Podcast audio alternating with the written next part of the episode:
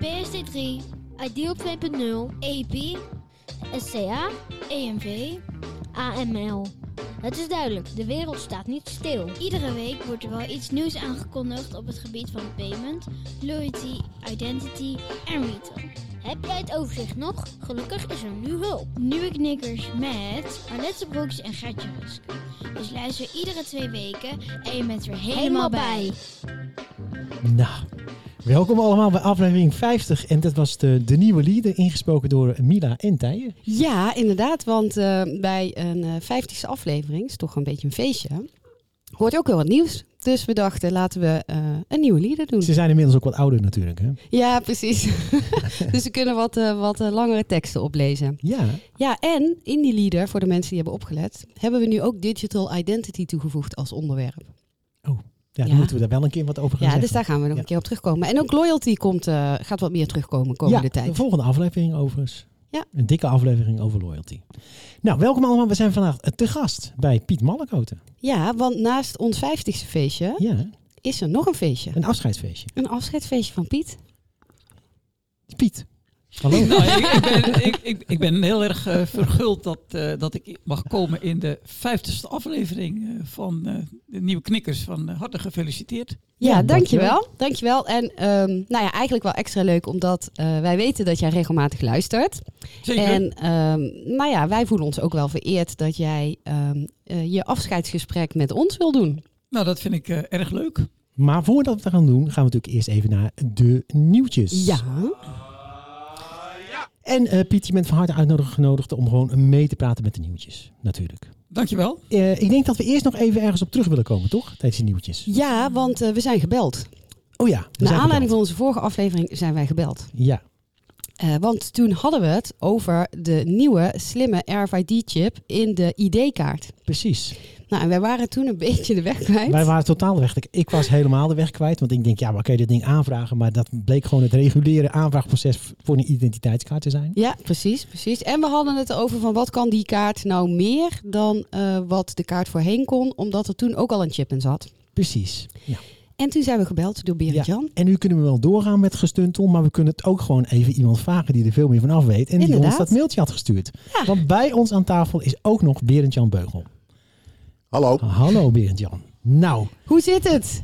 hoe zit het? Vertel ons er alles van. Ja, ja, dan moet ik opeens een DigiD-pad opzetten. Dat kan eigenlijk helemaal niet. Ik ben van IDIN natuurlijk. nou goed, ja, ja um, je kunt het een beetje vergelijken met de oude en de nieuwe uh, pinpas. De oude pinpas die had een magneetstrip en daar, ja, daar staat de passieve gegevens op. Mm -hmm. Die kon je gewoon uitlezen. Dat is handig. Uh, maar daar kon je natuurlijk niks uh, um, encrypted, versleuteld op, uh, op zetten. Want iedereen kon het uitlezen. De nieuwe identiteitskaart die heeft een slimme chip. En dat kun je dan vergelijken met de betaalchip die tegenwoordig op alle betaalpassen zit. Mm -hmm. Die is veel slimmer. En daar kun je versleutelde gegevens op, op zetten. Bijvoorbeeld een pincode. Mm -hmm. En dan kun je hem dus ook gebruiken om elke keer in te loggen bij overheidsinstanties. Oké. Okay. Dus je kan dan fysiek, de, de fysieke pas gebruiken bij het inloggen op een website bijvoorbeeld straks. Oké, okay, hoe gaat dat dan? Kan iemand dat even uitleggen? Ja, ja. nou dan moet je hem contactloos uh, uh, contact maken met een, met een leesapparaat. Dat is wel nodig. Zou ja. je telefoon kunnen zijn? Uh, laat dat nou toevallig heel goed kunnen met Android-telefoons. Mhm. Mm -hmm. Maar ik begrijp dat er voor de iPhone ook een app is... Mm -hmm. die met goedkeuring van Apple door de overheid gebruikt kan worden... om ook met een iPhone die identiteitsbewijzen te lezen en, uh, en te gebruiken. Ja, ja de oh, iPhone, ja. Apple wordt steeds opener. Hè. Ja, ja. Het duurt even, maar... Ja, en dan is dus het voordeel ten opzichte van de uh, DigiD-code die je nu hebt en de DigiD-app, is dat je dus ook nog je ID-kaart moet hebben. Dus uh, je hebt meer nodig om ergens in te kunnen loggen en daardoor is het dan weer veiliger. Ja, nou voor bepaalde toepassingen bij de overheid. Hè. Als, als de overheid heel streng wordt bij het inloggen en echt heel erg zeker wil weten dat alleen jij degene bent die inlogt, dan Mhm. kun je dat met die nieuwe identiteitskaart kan dat, uh, Ja. kan dat beter dan met de oude. Ja. Want dat, dat Ja. niveau van beveiliging hadden ze eigenlijk nog niet hè, online. Nee. Nee, dat kon eigenlijk alleen de banken. Nou ja, ja. Ja, ja toch? met, IDIN, uh, met IDIN is het, is het ook heel erg goed geregeld. Ja. Ja, precies. Dus dit zou dan wel een concurrent zijn. Nou ja, kijk, de, de, als ze nou DigiD uh, keurig netjes uh, um, bij het overheidsdomein houden Ja, en um, IDIN uh, bovenop het overheidsdomein Mhm. ook nog in het private domein Mhm. eh, zijn werk laten doen, dan, eh, dan komt het allemaal goed, denk ik. Ja. Oké, nou ja, nou, ik doe ook nog iets aan digitale inclusie. Dan hoor ik die mensen al zeggen, dan hebben we zo meteen twee dingen voor één en hetzelfde. Maar dat is een ander onderwerp. Dan Ja, ja, dat komt een andere keer. Precies. Nou, eh, dankjewel, Beer en Jan. Ja, dankjewel. Is ook veel handiger, hè? Dan dat, eh. Dat ja, dat gewoon iemand dat gewoon uitlegt. in- ja. Precies. Oké. Ja. Oké, wat hebben we nog meer voor nieuws? Eh, nou, eh, we hebben nog het nieuws dat eh, Bunk eh, eh, zich de kritiek heeft aangetrokken. Nou, en dat hebben ze heel snel gedaan. Want er was inderdaad een, even uit mijn hoofd, er was een, eh, een onderzoekje geweest van de Consumentenbond. Dat er relatief veel fraude was bij, eh, met, met een, Met waar bunkrekeningen. een bankrekening bij betrokken Ja. was. En het was wel heel grappig, want ik zat het een stukje te lezen dat Ali Nicknam had gezegd, nou daar herkennen we ons helemaal niet in. Is- Terwijl ja, wij hebben zelf in een grijs ver verleden. eh, ja, wat, hebben we het zelfs excluded. Als Ja. je met een bunk, dan zou ik, want ik ben nu bunk, bunkbankier. Ja. Ik zou niet eens gebruik hadden kunnen, Ja. hebben kunnen maken van die dienst. Nee, dat is natuurlijk heel erg ingewikkeld, want eigenlijk wil je dat niet. Maar de reden eh, waarom wij zagen dat er veel fraude was, was omdat mensen heel makkelijk heel veel rekeningnummers konden aanmaken. En toen was het nog gratis. En dan kon je dus iedere keer met een nieuw rekeningnummer Ja. kon je, eh, opnieuw een account openen met een uiteraard achteraf betalen feature. ja. En in dit geval was dat niet alleen maar ehm, eh, eh, fraude met achteraf betalen, maar in dit geval was het ook fraude met WhatsApp ehm, ik. Precies, WhatsApp fraude. Ja. Ja. Maar goed, ze hebben zich de kritiek eh, aangetrokken. En daar ben ik zelf heel blij mee. Want nu zit in de Bunk-app ook de, ja, de SurePay-oplossing van de, van de Rabobank. Ja. Ja, nou, het is nu niet meer alleen maar Rabo, is nu van, toch? Nee, dus toch nog steeds van de Rabo. Dat is toch niet een... ja, oké, maar er zijn wel allemaal banken bij aangesloten. Ja, nee, Ja, maar goed. ja. nou, maakt niet uit. maar die oplossing zit erin. En ik ben, ik ben daar heel blij mee, ook als bunk, bunkbankier, zullen we maar zeggen. Ja, zeker. Zeker. Nou, en dan eh, gaan we gewoon door naar de Rabobank. Wat een briljant bruggetje van jou. Want er is nog een nieuwtje. En dat is dat eh, Rabo ehm, Technology Trends, of is het Rabo Technologie Trends? De het Rabobank, eh, Technology. Engels? Ja? Ja, het, is het, het document is in het Engels. Oké. Maar ze, hebben, ze brengen volgens mij elk jaar zo'n document uit. Dat hebben ze vorig jaar ook gedaan. Kijken ze gewoon naar de, de, de, de trends op technologiegebied. Ja. En jij hebt je erin verdiept, toch? Vertel Eh, eens, wat zit erin? Nou, eh, dat is, het is een rapport wat niet alleen eh, de technologie aan zich beschouwt, maar het meer in een sociale context plaatst. Ook gegeven de COVID-situatie van het afgelopen jaar. Dus ze kijken veel meer naar de technologieën die er zijn, zoals blockchain en IoT, eh, quantum computing, sustainability. Ehm, en vervolgens kijken ze eigenlijk, ja, wat heb je daar nou eigenlijk aan met z'n allen? Want eh, wat, wat het rapport onder andere concludeert, is dat mensen eh, vroeger, of vroeger, een paar jaar geleden misschien heel snel technology eh, omarmden. We zijn en masse allemaal social, social networks gaan gebruiken bijvoorbeeld. En nu stellen we ons steeds meer de vraag, ja, hoe zit het met de privacy bijvoorbeeld? Dus er komt een ander tempo in het, in het omarmen van technologie. Dat is een beetje mijn afdronk van het rapport. Ah, Oké. Dus eh, ik zal, we zullen de link in de show notes zetten. Je moet vooral zelf lezen. eh, denk ik. Ik vond het best een aardig verhaal. Eh, het is alleen jammer als we het dan hebben over wat heeft technologie voor effect op mensen. Dan zou het ook leuk zijn als klanten aan het woord komen. Want die komen niet aan het woord. Het zijn allemaal experts van de bank. Oké, ja. Dus een beetje een klein puntje van kritiek. Ehm, wat hebben we nog meer? We, hebben het ook even kort nog over Pieks. Oh ja, Pieks. Ja, Pieks. Ik, ik ben Pieks gebruiker. Jij toch ook? Ja, zeker, zeker. Eh, Ben- Piet? Piek, ook? Piek, Nee? Piek, Piek. Ik, heb er, eh, ik doe het op een andere manier. Ja. nou, weet je... Als je er nou nu ook nog, nu nog aan zou moeten beginnen, nu je net met pensioen gaat, Piet, dan ben je ook echt te laat. Ja, ja. En, en eerlijkheidshalve gebiedt het ook te zeggen dat Pieks zich in eerste instantie richtte op eh, de jongwerkende, hè? de starter eh eh, Op zich een mooi, werkvlak. een mooi concept. Ja, ik, ja. Ja. Ja, ja, ik ben eigenlijk al te oud. Ja. Maar eh, ik ben wel enthousiast pieker. Ja, ik ook, ik ook. En ik zie trouwens nog iemand knikken. Berend Jan knikt ook, want die is er ook nog, hè? Kijk, dat is ook een... Ja, nee, ik vind Ook een het- pieker. maar Goed, wij, zijn, wij zijn er blij mee. Het rendement is leuk. eh, het is grappig. ehm, maar nou, van de week schrok ik even, want ik kreeg een mail. eh er gaat wat veranderen. Nou, dan ben je altijd op je qui- qui-vive natuurlijk, hè, onmiddellijk. Ja, Dus ehm, de prijzen gaan omhoog. Je betaalt Ja. nu, eh, als je minder dan 2500 eh, euro aan eh, belegd vermogen hebt, gebruik je, betaal je een euro per maand. En je, gaat, maar je betaalde al een half procent als je boven die 2.500 zat. Dan Ja. betaal je niet de euro. Dus het was of een euro of een half procent over je belegd vermogen. ik dacht, nou, die, dat gaat zo 150% over de kop of 200% over de kop. Dat is niet helemaal waar. Wat er gaat veranderen is dat je eigenlijk voor iedere 100 euro eh, aan belegd vermogen betaal je 4 cent per maand extra.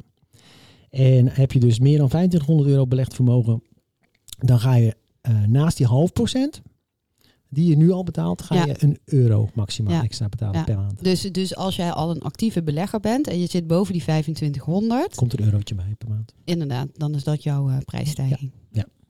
Maar goed, wij moeten daar nog eens een keer een uitgebreide vergelijking van maken. Want er zijn natuurlijk... eh, Er zijn meer beleggingsapps, ja. Precies. Wat had jij, had jij nou? Semi? Ja. Ken ik dan helemaal niet. ja. En maar Bux. Eh, Bux is wel een wat ander model. Maar het zou eens goed zijn dus om dat eens gewoon eh, naast elkaar te zetten. Ja, ja, en ABN heeft ehm, een initiatief gehad op dit vlak. Eh Can Do heette dat. Mhm. Eh, maar dat is na een tijdje gestopt. Oh ja. Dus dat bestaat nog niet meer. Oké. Dan misschien heel kort. We hebben nog een nieuwe bank erbij. Piet, wist je dat? Nee, Nee? nee, die moet onmiddellijk lid worden van de betaalvereniging. Nee, dat vraag, ik- dat vraag ik me af. Want ten- tenzij jullie wat in CO2 willen gaan doen. Dat is de Carbobank. Oh, daar heb ik van gehoord, ja. ja, ja.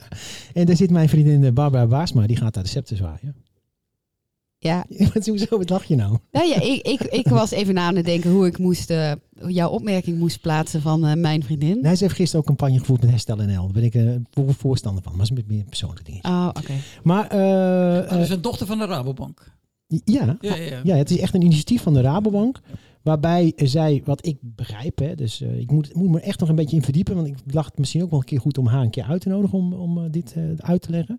Eigenlijk gaan ze gewoon een beetje kijken, vraag en aanbod. Hè, want er zijn natuurlijk mensen die, die te veel CO2 eh, uitstoten en anderen die dat niet doen. En dan kun je dat eigenlijk via die bank, dat is een beetje het idee, kun je dat tegen elkaar verhandelen. Ja. Dat is toch een leuk initiatief? Ja, weet denk- je wat ik daar een beetje nadeel van vind? Dan? Dat ehm, duurzaamheid daarmee heel erg gekunsteld wordt. Dus eh, sommige bedrijven die blijven heel erg eh, vervuilend. En die kopen het dan in van een ander. En dan opeens zijn ze duurzaam. En ik weet dat dat nu ook al gebeurt. En dat dat zelfs over landsgrenzen heen gaat. Dus dat eh, Nederlandse partijen dan hun eh, CO2-rechten weer verkopen of kopen. Of, en ehm, ja, ik persoonlijk denk dan van ja, weet Ja, je, dat, dat, gaat het, dat gaat het doel voorbij. Ik bedoel, ehm, of je wordt duurzamer of niet. Ja, maar dat kan niet vanaf van, van, vandaag op morgen. Dus het is, het is altijd een transitie. En in die transitie denk ik wel dat zo'n bank een, eh, een rol kan vervullen. Want de ene is nu, ja, die wil misschien wel sustainable worden, maar die doet dat pas over een aantal jaar. En in die weg daar naartoe kan je dan mooi gebruik maken van, eh, van zo'n initiatief. Denk Ja. ik. Nou ja, ik deel, deel je mening niet. Maar dat Ja, hoeft ook nee, niet. dat hoeft niet hoor. Nee, dat hoeft we niet. slaan elkaar straks wel. Nee. we hadden nog een ander nieuwtje. Eh, ja, en dat is dat ehm, eh, naast Piet er nog iemand is die het stokje gaat overdragen. Nou, vertel. Ja, Wijnand Jonge. Die gaat het stokje overdragen bij thuiswinkel.org. Na 20 jaar. En zijn opvolger is ook al bekend. Mhm. En dat is eh, Marlene ten Ham. Oké. En Marlene, die is zeven jaar directeur geweest van de Europese koepelorganisatie e-commerce Europe. Mhm. En die werkte vanuit deze rol intensief samen met alle Europese e-commerce organisaties, dus ook met Thuiswinkel. En daarnaast heeft ze ruime managementervaring, onder meer als managing partner van een internationaal adviesbureau in Brussel. Mhm. En waar ik nou benieuwd naar was, of dit, hè, door, door een nieuwe directeur ehm, eh, aan te stellen met zo'n Europese achtergrond, of dat ook betekent dat Thuiswinkel nog Europeeser wordt. Nou, is- Hè? Dus daar zit dus al die samenwerking. Maar of Ja, dat, eh, dus daar was kunnen. ik wel benieuwd naar. Ja. En daarnaast was ik ook benieuwd, want ehm eh, Wijnand heeft dus dan één opvolger. Maar Piet, jouw opvolgers zijn ook bekend, want jij krijgt maar liefst twee opvolgers. Ja, ik krijg eh, twee opvolgers. En eh, dat komt omdat ik eh, nu ehm, het directeurschap heb van Currents en van de betaalvereniging. En ehm, er is besloten om ehm, dat in, in twee directeuren om te zetten. Daniel van Delft, die volgt mij op bij Currents per 1 maart. En Gijs, Gijs Boudewijn, die is benoemd ad interim voor een onbepaalde tijd om de betaalvereniging te leiden. Het woord ad interim slaat erop dat eh, het bestuur heeft eh, besloten om eh, maar eens een evaluatie te doen van de betaalvereniging, omdat er afgelopen jaren best veel veranderd is. En ehm, ja, de kunst gaat nu een eigen weg op. Ehm, en, en de vraag is dan, ja, hoe, hoe moet de organisatie eruit zien? Zijn we nog fit voor 2022, 2027? En ik denk dat wel, maar dat moet even. Ik denk dat het goed is om dat te toetsen, omdat de, ja, de taakafbakeningen die zijn eigenlijk in 2010, 14 gemaakt. En nou, dat gaat best snel in betaalsverkeer. Zeker. Dus eh, goed om die evaluatie te doen. Dus in afwachting daarvan eh, neemt eh, eh, Gijs eh, mijn rol over tot die tijd. We zijn een beetje Dus- langzaam al naar dat interview nu gegaan. Dus, eh, maar het is toch ook wel een mooi compliment, hè? Ja, ja, dat ja. Als, eh, als jij weggaat, dan moeten twee mensen hè, zijn er nodig om jou te vervangen. Je mag trouwens de microfoon ietsje dichter Ja. Nee, het hangt ook samen met eh, het Ideal 2.0. Dat is best een, eh, een zwaar traject. Daarmee gaat Ideal een, eh, een wat, eh, wat zwaardere koers op, wordt intensiever. En ehm, ik denk dat het goed is daar dan. eh, ik, ik deed het erbij. Ik deed twee functies. Dus mijn, het was iets minder dan de helft van mijn tijd wat ik aan Ideal besteedde. Maar nu is het wel belangrijk dat daar eh, meer, eh, meer power op komt. Dus ik denk dat het een goed besluit is.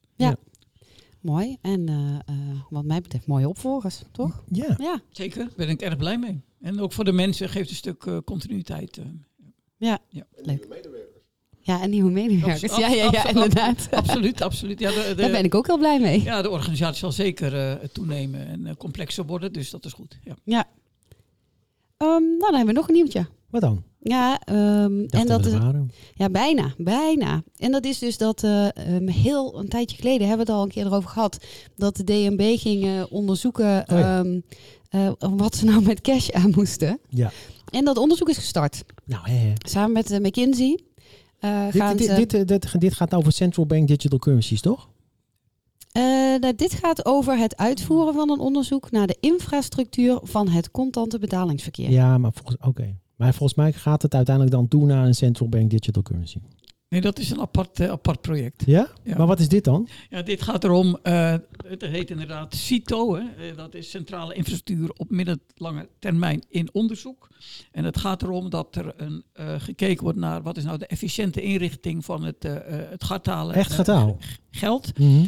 bij een teruglopende, bij teruglopend, teruglopend gebruik van contant geld. Ja, En dan is de vraag, ja, je hebt nu een x-aantal ehm, eh, ga- eh, geldautomaten, iets van 5000. Ja, eh, zijn die nog nodig als je nu vaststelt dat 20% van de toonbankbetalingen cash zijn, terwijl dat natuurlijk jaren geleden veel meer was. Ja. Ja. En ja, het is allemaal eh, overhead, dus die, die, die, die kosten worden dramatisch hoog. Kan je dat efficiënter inrichten?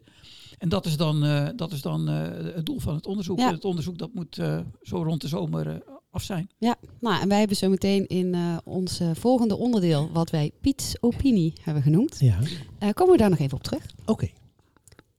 Want eh, wat mij betreft is dit het bruggetje. Wit bruggetje. Nou, Ja, maak hem even af dan, het bruggetje. zou ik zeggen.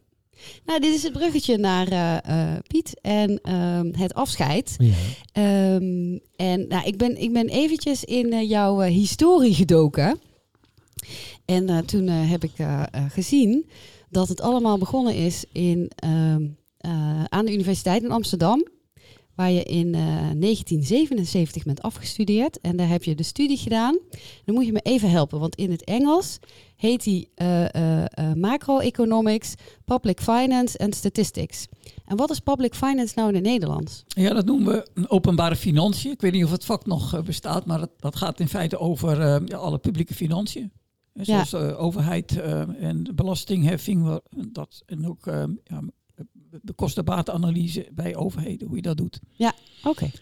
En eh, daarna, nadat je studie hebt afgerond, ben je 24 jaar bij de Nederlandse Bank geweest. Ik ga niet al je functies opnoemen, want dan duurt het veel te lang. Maar je bent daar gestart als beleidsadviseur. En eh, je hebt afscheid genomen als eh, directeur eh, Payments Systems Policy Department. En wat is dat in het Nederlands? Ja, dat klopt. Dat, die afdeling heette toen ontwikkeling betalingsverkeer. En die bestond uit meerdere disciplines. Het is allemaal gereorganiseerd daarna, maar be- betalingsverkeer beleid, oversight en een analyse waren drie, drie afdelingen die, ja, waar ik dan leiding aan moest geven. En het was een niet al te grote afdeling, het is eh, het- iets van eh, 30, 35 mensen. En ehm, nou ja, dat, eh, dat was een gezellige club waar Ja. we inhoudelijk heel veel hebben kunnen betekenen. Ja, en, en toen, toen ging je door eh, naar eh, als CEO 2004. En in 2011 kwam daar dan ook de betaalvereniging bij. En ik denk dus alles bij elkaar dat niemand jou iets wijs kan maken over hoe het gesteld is eh, met het betalingsverkeer, hoe het in elkaar zit, wat spelers zijn. Eh, als je echt kijkt naar jouw hele loopbaan, dan eh, denk ik dat je een gigantische rugzak gevuld hebt met kennis.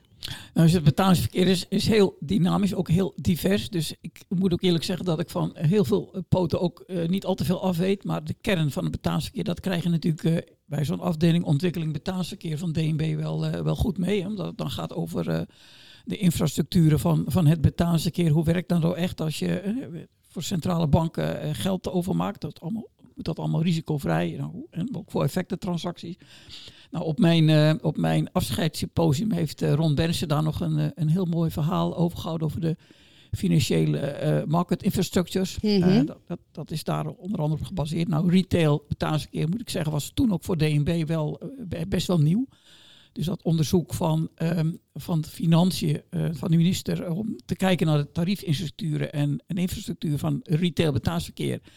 Ja, dat was best een, eh, gewaagd onderzoek, omdat, omdat die kennis gewoon eh, onvoldoende aanwezig was. En er zijn toen ook mensen, ook vanuit andere afdelingen, gevraagd om met een meer onderzoeksattitude om ons te helpen. En nou, die kennis hebben we toen vervolgens opgebouwd. En daarmee is, is die kennis nog steeds aanwezig en vergroot bij DNB. Want retail payments werd daarna gewoon Ja. veel belangrijker.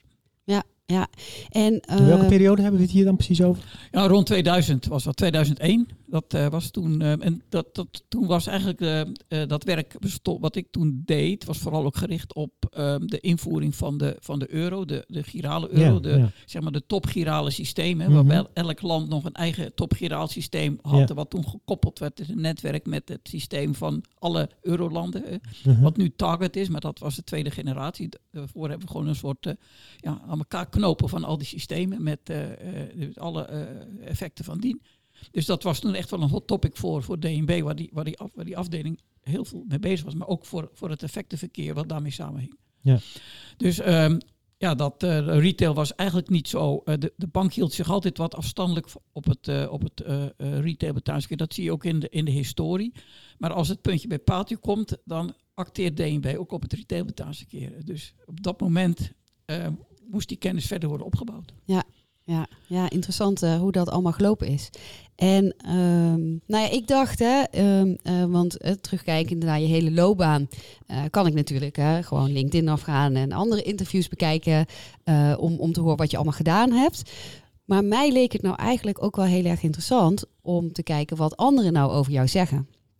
Dus ik heb een lijstje wat, die, Oh, wat wat iets meer zegt over de persoon Piet. Nou, en de persoon Piet is absoluut een bruggenbouwer, gericht op samenwerking, eh, oprecht, nuchter en integer, met gigantisch veel kennis en bovenal een prettig persoon. Nou, da dankjewel. Een mooi Wie heeft dat compliment gezegd? kan je niet krijgen. Dit is een combinatie van eh, eh, input van eh, meerdere mensen. Ja, dus eh, eh, en ik denk, ja, ik zou, ik zou dit gewoon op LinkedIn zetten vanaf nu. Toch? Zo'n mooi lijstje. Dankjewel. je, Ja. moet, je, moet ook niet te hoog van de toren blazen. Blijf bescheiden en doe je, en doe je werk, zeg ik dan. Nou ja, dat, dat- ik denk dat dat een hele wijze les is voor heel veel mensen. Ehm, ja, want jij stipt het al even aan. Eh, vorige week was er een heel mooi online symposium georganiseerd. En ook een virtuele afscheidsreceptie. En ehm, dat is natuurlijk anders dan wat je waarschijnlijk meer dan een jaar geleden bedacht had. Hoe het, hoe het zou zijn, hè, jouw afscheid.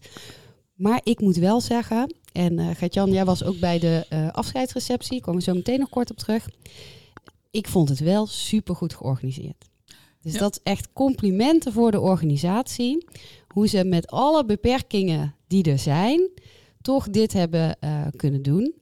En daarbij moet ik ook wel zeggen dat het, eh, het symposium aan het begin, hè, wat dat heette ook alledaags en economisch, met verschillende hoogleraren die ook verschillende onderdelen van het betalingsverkeer aanstipten. Eh, bijvoorbeeld wat jij al zei, financiële eh, marktinfrastructuur, het verschil tussen big techs en het oorspronkelijke Four Corner model, die digitale euro kwam voorbij, de Europeanisering van het betalingsverkeer. Eh, ja, ik, ik moet zeggen dat wat je echt zag met eh, iedere hoogleraar die ja, een, een mini-college gaf van vijf minuten. Ook trouwens super knap dat iedereen gewoon binnen die vijf minuten bleef. En ehm, daarnaast eh, zag ik ehm, En dat heb jij op dat moment denk ik niet gezien. Maar er waren zo'n 200 deelnemers aan het eh, eh, symposium. En eh, met allerlei verschillende invalshoeken, met allerlei verschillende meningen. En wat daar gebeurde, dat was wel weer interessant. Eh, dat heb je bij een fysiek congres niet. Maar bij een virtueel congres zie je dat mensen gaan eh, discussiëren met elkaar in de chat. Dus je krijgt eigenlijk een soort parallelle stroom. Dus aan de ene kant heb je de professor die eh, eh, dingen vertelt. En aan de andere kant heb je gewoon een, een chat ernaast met discussie. En dat vond ik wel interessant. Ik dacht, nou, dat is dan wel weer iets nieuws wat gebeurt bij zo'n online seminar. Ja, Dat je een ander soort interactie hebt. Het gebeurt ook wel natuurlijk als je bij elkaar fysiek in de zaal zit, maar dan fluister je. Ja, maar dan wordt heel veel geroezemoes en dan allemaal. zeg je echt wat een dom verhaal bijvoorbeeld, zou je dan kunnen zeggen bijvoorbeeld. Ja, maar dan doe je alleen maar met Maar je maar buurman. precies, en dat doe je dus niet in zo'n chat, omdat het gelijk dan in, aan het publiek is. Ja, dus het is inhoudelijker. Ja, en, ja. en je kan het met, met meer mensen doen. Want als je dat in de zaal doet, dan is dat heel Ja, maar ik denk, voor ik denk, diegene ik denk die, precies. in, eh, die Dus dat, het, het viel me ook op, maar het, ik denk, het is wel een eh, inhoudelijk krijg je een discussie Ja. daarover. Maar als iemand bij wijze van spreken zo'n sp- spreker, ik spreek, spreek nu even in het algemeen, hè, Ja, bij zo'n iemand een spreker niet zo leuk vindt. Ik heb laatst bij Nederland digitaal, digitaal Nederland, weet ik veel, ook een paar van die, is dat ik echt dacht, wat een, wat een verhaal. Ik vind het niet diep genoeg gaan, ik vind het oppervlakkig. Ja, dan ga je niet in die chat zetten. nee, dat, en dat zou je normaal delen met je buurman. Ja, Ja. dat, bedoel Ja. ik. Nee, dat is inderdaad een, parallel traject, wat, eh, wat denk ik ook heel goed is, omdat je dan ook met eh, mensen kan eh, communiceren die, eh, die ook nummer 120 of 150 zijn, hè, zeg maar, Ja. in, als Ja. jij nummer 1 bent. Dus, Ja. Nee, maar dat was een, echt een, een super eh, mooi eh, afscheid. Eh, ik ben ook zeer verguld dat, dat dit zo goed georganiseerd was. Het was ook eigenlijk grotendeels nog een verrassing wat er nou precies zou gebeuren. Ik had wel wat indicatie gekregen wat, wat ik moest doen. Ik moest ook een artikel schrijven. Maar dat er vijf hoogleraren een presentatie geven over het betaansverkeer. de- ja, dat is een zeldzame aangelegenheid. Want krijg die mensen maar eens bij elkaar op een, op een congres. Dat lukt je Ja. gewoon niet. Nee, Dus dat ze hiervoor wilden komen en een artikel hebben geschreven die in boekvorm komen. Ze- De, eh, de artikelen staan ook eh, overigens op onze website inmiddels. Dus eh, degene die daarin geïnteresseerd is, die, die kan daar kennis van nemen. Ja. Het is zeer de moeite waard. Ja, zo zullen dat ook delen in de show notes. En daarnaast delen we nog iets in de show notes. En dat is dat jij een hele mooie wandeling hebt gemaakt door Amsterdam samen met Gijs. Eh, waarbij je meer verteld hebt eh, en over eh, jouw eigen loopbaan, maar ook jouw visie op betalingsverkeer en hoe dat tot stand is gekomen. Ehm, dus die wil ik zeker ook de mensen niet onthouden, want Nee, is ook een heel, in een heel mooi overzicht geworden. En dan zijn we natuurlijk benieuwd naar ehm, eh, wat nou jouw volgende stap wordt. Want dat, er kwamen genoeg eh, ideeën voorbij. Hè? Een bijbaan als professor.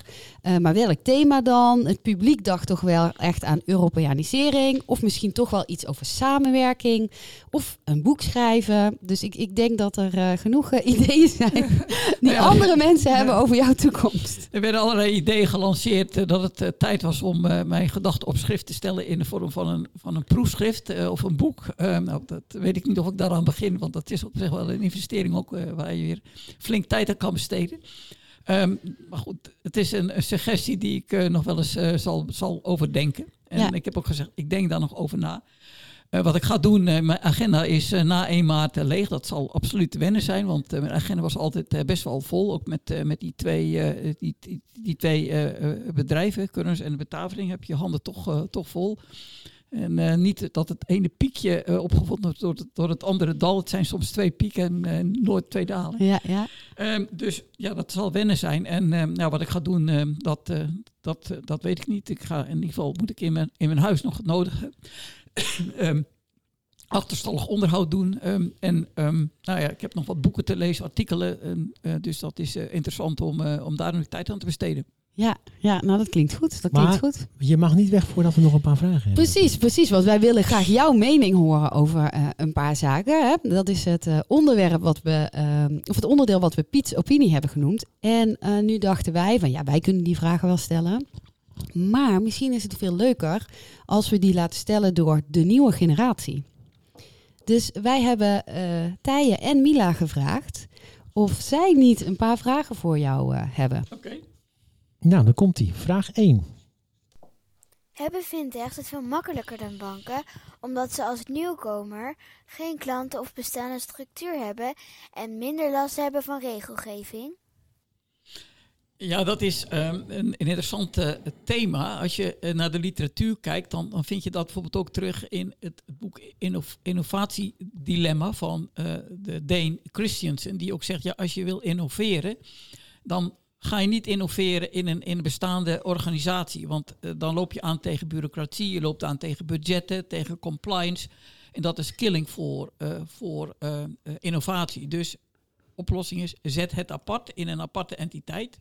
Dat kan je als bestaande organisatie doen. Maar ook natuurlijk als nieuwe organisatie. Beginnen helemaal opnieuw en trek je van niks en nergens wat aan. En ga gewoon heel creatief op een bepaalde agile manier gaan ontwikkelen. En, en dan komt daar wat uit. En dat is denk ik, dat is de manier waarop je doet. Dat doen fintechs, maar je ziet ook banken dat doen. Het is bijvoorbeeld in Nederland met Peconic gebeurd. In, in Zwitserland of in, uh, in Zweden met uh, Swiss, die mobiele app. Dat zijn eigenlijk allemaal um, uh, producten die ontwikkeld zijn buiten de bestaande organisaties. Um, dus ja, dan heb je niet te maken met regelgeving compliance. Um, en uh, dat is denk ik een belangrijk voordeel. Want dan kan je de creativiteit zijn gang laten gaan. Maar als het dan klaar is, ja, dan zit je natuurlijk wel met het punt... hoe krijg ik nu bereik en hoe, hoe bereik ik nou die economies of scale? En dan, ja, dan heb je toch weer, naar mijn idee, bestaande organisaties nodig... om, om die, in die samenwerking om bereik en schaal te krijgen. Kijk, bijvoorbeeld Tiki, daar is het heel goed gelukt. Hè. Die heeft toch standalone uh, een perfect product uh, met heel veel volume klanten weten te, te, bewerkstelligen. Maar dat is weer een redelijke uitzondering. dus eigenlijk moet je dat toch weer gezamenlijk doen. En zo is eigenlijk Ideal ook een beetje ontstaan door initiatief van drie banken in 2005 neer, neergezet bij Currens om het bereik van andere banken daarbij te betrekken en dus groter te maken. Ja, ja. en um, uh, denk jij ook dat uh, cultuur hierin belangrijk is? Uh, en dan de cultuur in de zin van de can-do mentaliteit. Want wat ik merk zelf is dat bij banken heb je toch vaker dat mensen het gevoel hebben dat ze heel erg aan regels gebonden zijn. En bij een fintech voelt het vrijer.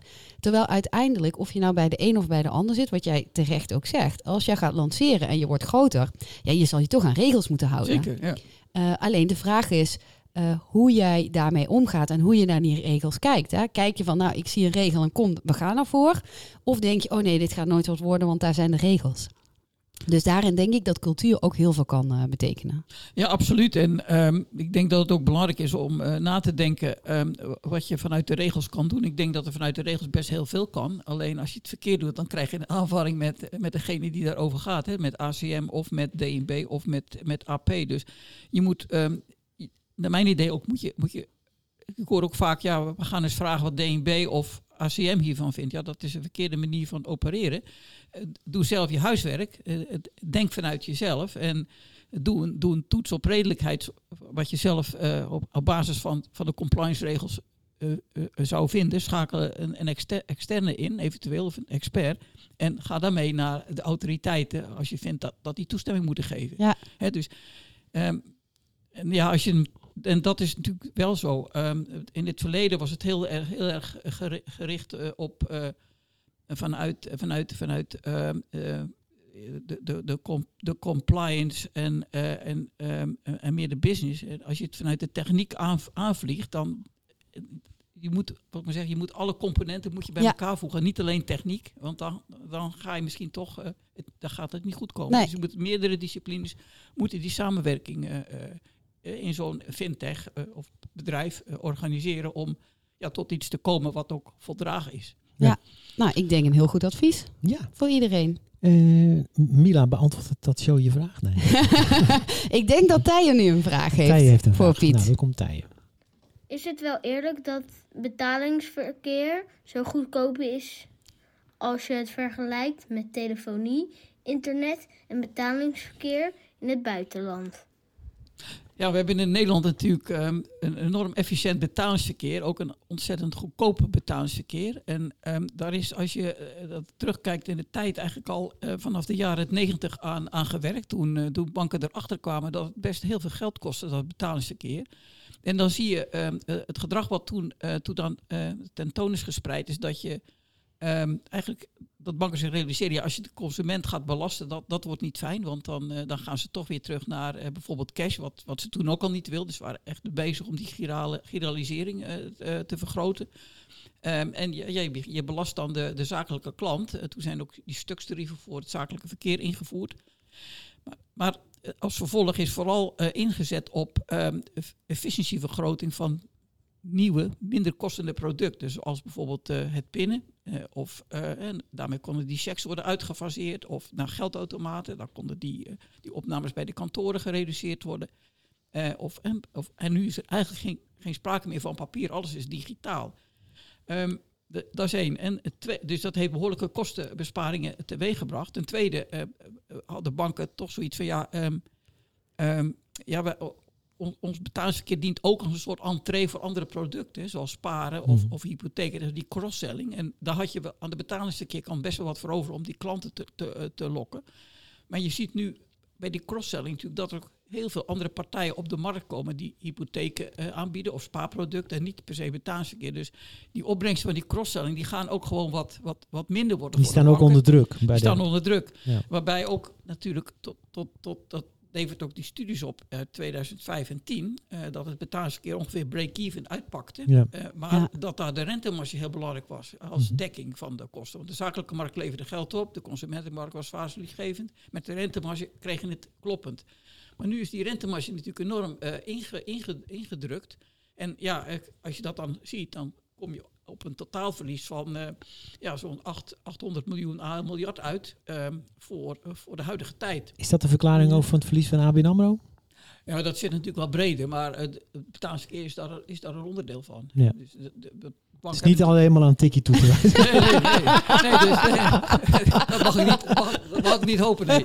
Dus, ehm, dus ja, ehm, kijk, als je, als je het nog steeds eh, eh, gebruikt voor, om je cross-selling activiteiten eh, op peil te houden, dan, eh, dan, dan, dan, dan kan je dat doen. Maar per saldo is wel best wel zorgwekkend. Ook als je kijkt naar partijen die zeg maar, vrij, vrij entree hebben met de PSD2. ehm, ja, da- daar hoeft, hoeft men wettelijk niet voor te betalen, maar er moet wel betaald worden voor de infrastructuur. Dus nou is dat gebruik van die PSD2 eh, eh, eh, niet zo groot in Nederland. Maar stel dat dat een vlucht zou nemen, ja, dan komt toch uiteindelijk de financiering van die infrastructuur, Ja. die komt onder druk te staan. En uiteindelijk kan dat ook leiden tot aantasting van de financiële stabiliteit. Want je moet wel een stabiele kerninfrastructuur hebben om ja, altijd te betalen, ook in crisis. En ja, dat moet niet onder druk komen. Dus dat is best een zorg. Hoe krijg je dat nou gefinancierd, die, eh, die, eh, Mhm. kosten die, Ja. die, die, die, die oplopen? Mhm. Ja. Zeg maar, is dat niet te verwachten dat met name de nieuwkomers, nou als ik alleen dan even naar Bun kijk, wat toch, hè, die richten zich toch met name meer op het betalingsverkeer, bieden nog eh, weinig andere producten. Eh, die vragen gewoon ook een hogere entreefee, zeg maar. Hè. Dus, die, de, de- de- dus het zit, zit veel meer in een subscriptie gewoon die je per maand betaalt. Nou ja, goed, ik betaal voor mijn bunkrekening 8 euro. eh, Dat bedoel ik, en, hè? eh, en dat betaal ik niet bij andere banken. Nee, Absoluut nee, niet. nee, dus eh, dus dat, is, dat is een verschil. Ehm, kijk, een ander punt is natuurlijk, als dit een vl- vlucht krijgt, wie betaalt uiteindelijk voor de nutsfunctie? Eh, banken Ja. doen, de banken doen echt heel veel voor, ehm, voor de kwetsbare groepen. Eh, de toegankelijkheid is belangrijk. Nou, geldautomaten, als je die niet hebt, hoef je er ook niet voor te betalen. Maar degene die de banken, de grootbanken, hebben wel die geldautomaten. Dus ja, als je, als je natuurlijk alle, alle ehm, eh, nieuwe diensten, eh, als die bij fintechs of andere partijen komen, dat je blijft achter met een, met een back-office-achtige activiteit, die wordt teruggedrukt in die waardeketen en de nutsfunctie, ja, dan levert dat niks meer op. En Nee. dat moet wel gefinancierd worden. Dat is gewoon maatschappelijk ook, ook buitengewoon relevant dat die diensten Ja. er blijven. Dus dat is wel een zorgpunt. Dat is ook nu een onderwerp wat we. Goed, ik ga nu weg, maar dat in de betaalvereniging verder wordt eh, opgepakt om, eh, om daar onderzoek naar te doen. Ja. Hoe, wat moet je daarmee? Juist ook in het kader van, van Europa. Nou, en dat is misschien ook wel waar de jongens van McKinsey en de meisjes van McKinsey Ja, bij de Nederlandse bank. Super mooi bruggetje. Wat dan? Nou, want Mila, die heeft nog een vraag over cash. Oh, nou laten we dat dan eh, kijken of Mila die nu kan stellen. Nou, kom maar door, Mila. Hoe kun je cash toekomstbestendig maken? Tijdens jouw afscheidcollege zei 53% van het publiek dat men denkt dat cash blijft en niet volledig vervangen zal worden door de digitale euro. Wat denk jij? Blijft dit cash zoals we nu kennen? Nou, ik denk dat cash eh, voorlopig niet eh, zal verdwijnen. Het, wordt wel, het zal wel minder worden. Daar is ook dat onderzoek van DNB op gericht. Hè. Stel dat dat op termijn eh, het gebruik 10%, dus 10 of 15%. Dat is nu ongeveer in Zweden het geval. Ja, wat moet je daar dan mee?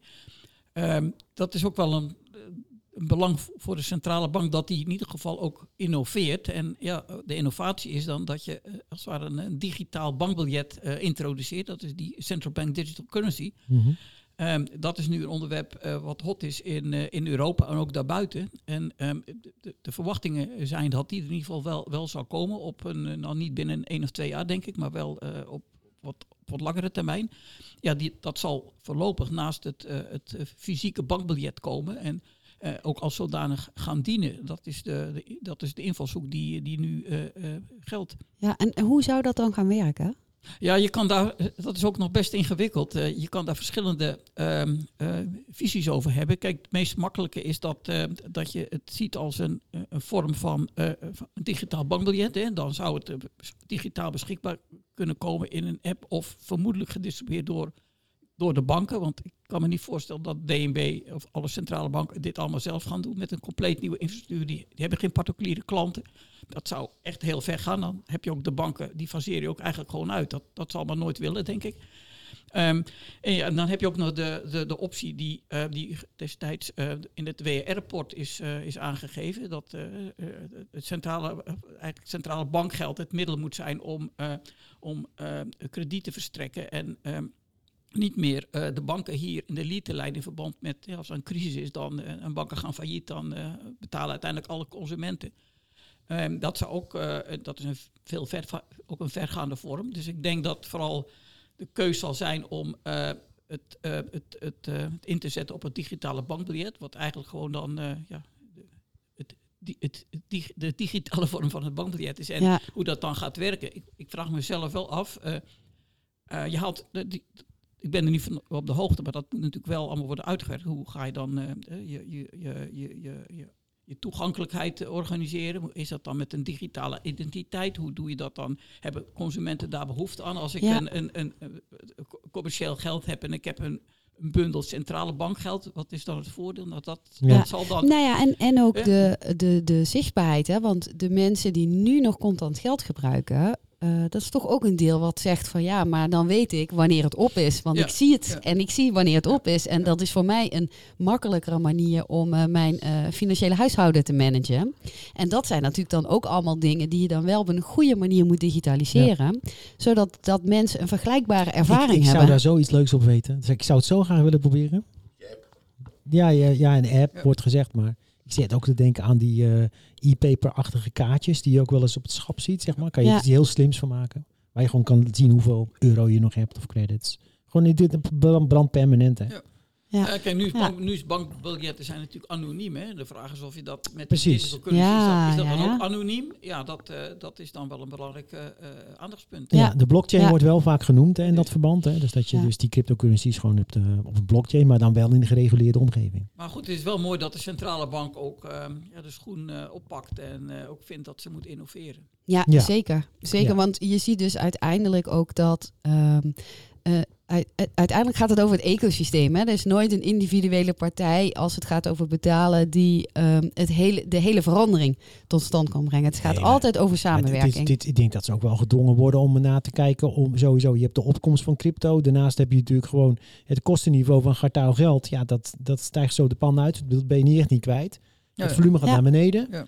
Dus eh, je moet natuurlijk ook wel kijken of er alternatieven zijn. Ja, en dan juist inderdaad op een eh, zorgvuldige, ma- zorgvuldige manier. Ik zeg je dat we moeten terug naar de chip. Nou, ik denk dat we door moeten naar de volgende vraag. Ja. Komt ie. Zoals je eerst vertelde in je gesprek met Gijs, is samenwerking altijd belangrijk geweest. Hoe zou dit in de toekomst eruit moeten zien? Samenwerken op Europees niveau of meer op ecosysteem of met andere partijen dan banken? En met wie dan? Het is ongelooflijk dat die kinderen die vragen stellen. Maar eh, een, een mooie vraag en ook best, eh, best ingewikkeld eh, te beantwoorden. Ja, dat Het vond hangt hij ook. Het hangt er een beetje vanaf eh, hoe, je, hoe je dit ziet. Als je, als je dat doet op, op vorm van, van producten, zoals eh, Ideal of, of Pinnen, ja, dan, dan zie je toch dat dat allemaal meer naar een Europese sch- schaal gaat. Hè. Het zijn Europese producten, dat zie je ook bij het EPI-initiatief. Eh, dus daar gaat het om bereik en schaal. En dat zal, dat zal meer, dat, overigens zie je ook bij standaarden met de European Payments Council, dat is allemaal op Europees niveau. Dus het zal eerder naar Euro- Europa gaan dan, dan nationaal. Eh Niettemin, eh, als, je, in, als je dat doet, dan is toch de vraag eh, of je daarmee het nationale overleg eh, en de samenwerking eh, kan opheffen. Ik, denk het niet, want je zal altijd te maken hebben met, met stakeholders, gebruikers ter plekke. In, in, elke land heeft weer zijn eigen behoeften, zijn eigen structuur. Je hebt te maken met de overheid, met DNB. Ehm, en, en ook niet iedereen van de bankengemeenschap of vindt een betaalinstellingengemeenschap zal eh, direct kunnen participeren in zo'n Europees overleg. Dus je krijgt een soort eh, afstemmingsvraagstuk wat je ehm, eigenlijk in een orgaan moet doen waar, je die samenwerking regelt. En het zal een ander karakter krijgen. Het is ook zeker niet, dat is bij de betaling ook al niet zo dat het alleen banken zijn. Ook heel veel betaalinstellingen, ook fintechs kunnen daar eh, lid van worden, zijn er ook daar lid van. Dus ja, het krijgt een andere dimensie. Eh, en, en een ander punt is natuurlijk, ja, hoe, die nutsfunctie, die blijf je natuurlijk wel, eh, die moet je organiseren voor de, voor de, de kwetsbare groepen, eh, voor ehm, ehm, ehm, ja, de, de, de, de, ou- de oudere mensen die nog niet zo ver mee kunnen met die dig- digitalisering. Wat doe je daarmee? Dat zijn toch vaak oplossingen op, op, op nationale schaal, waar Ja. je die samenwerking echt voor nodig hebt. Ja, ja, dus het is eigenlijk en-en. Het is niet of-of. Het is niet alles wordt Europees. eh, maar sommige dingen gaan op Europees niveau.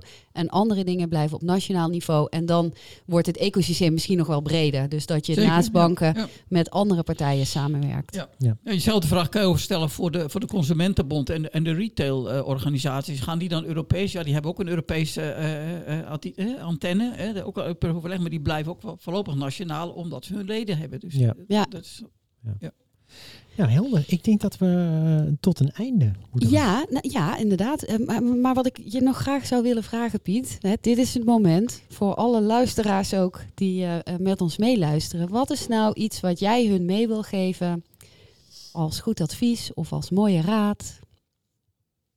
Ja, voor eh, in het betaalsysteem bedoel je? eh, nou, je eh, mag, je mag, alles zijn. Het mag Ja, alles zijn. Nou, ik denk dat het goed is om, zeker in samenwerkingsorganen, om, ehm, om respect te hebben voor, voor ieder zijn mening.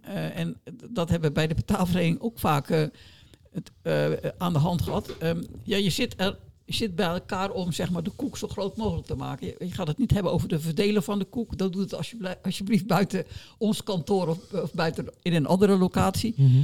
Maar je merkt vaak in overleg dat die, die zaken compleet door elkaar lopen. En daar is bijvoorbeeld eh, ooit in een overheidsoverleg gezeten... waar dit samenwerking en concurrentie door elkaar heen liep. Daar kom je dus nooit uit. Dus je moet echt heel goed strikt scheiden wat je, wat je bespreekt, wat je niet bespreekt. En, en ook dan vertrouwen in elkaar hebben. Want vertrouwen is ook superbelangrijk. eh, en dat denk ik bij, bij de betaalvereniging ook bereikt... dat mensen onderling vertrouwen in elkaar hebben. Zodat je niet alles op een contract hoeft vast te leggen. Maar dat ze elkaar bellen, dan weten ze hoe het, eh, hoe het, hoe het is. Dus ja, heb vertrouwen, luister naar elkaar en, en werk gewoon samen. Dat is een mooi uitgangspunt. Ja, zeker.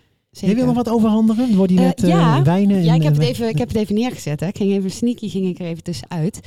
Ehm, nou ja, Piet, wij hebben gehoord dat jij heel erg houdt van eh, wijn. Maar ik ben een bescheiden gebruiker, dat kan ik je meteen zeggen. Dat weet je misschien niet. Komt Alet gelijk, met- komt Alet gelijk met een Magnum fles aan hier.